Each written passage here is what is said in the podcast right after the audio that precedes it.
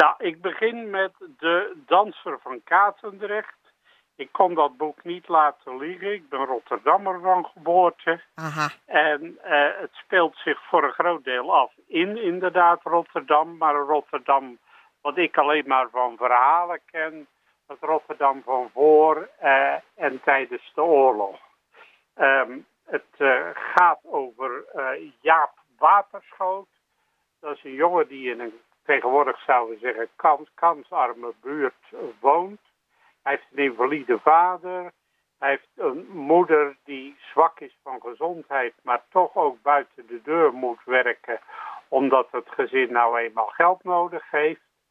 Uh, na zijn HBS probeert ook Jaap allerlei baantjes te vinden, maar dat valt niet mee. Ja, zo nu dan kan hij even varen een paar, naar een paar Europese havens, maar dan uh, komt hij weer terug.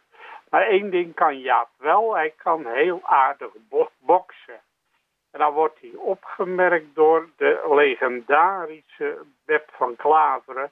Dat is nog altijd een hele grote naam in het Rotterdamse. Hij is zelfs ja. uitgeroepen tot de grootste Rotterdammer aller tijden. Hij eindigde voor Pim Fortuyn en voor Erasmus.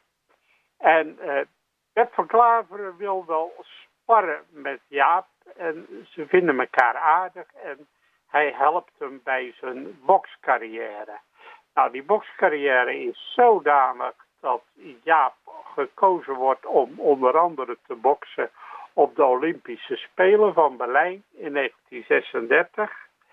Dan lezen we een aantal dingen ook over zijn huiselijke omstandigheden. Hij wordt verliefd.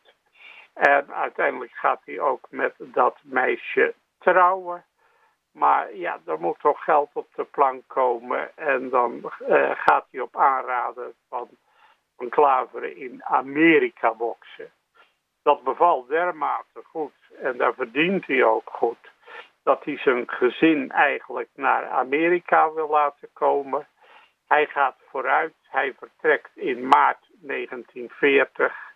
Maar ja, dan vallen de eerste bommen op Rotterdam. En dan wordt het verhaal heel anders.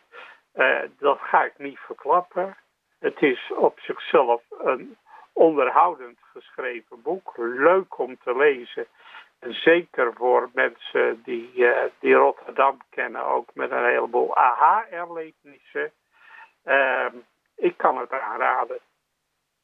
Ja, nou, dat, uh, dat klinkt goed. En inderdaad, als je Rotterdammer bent, dan is het extra leuk om dit boek te lezen, denk ik, ja.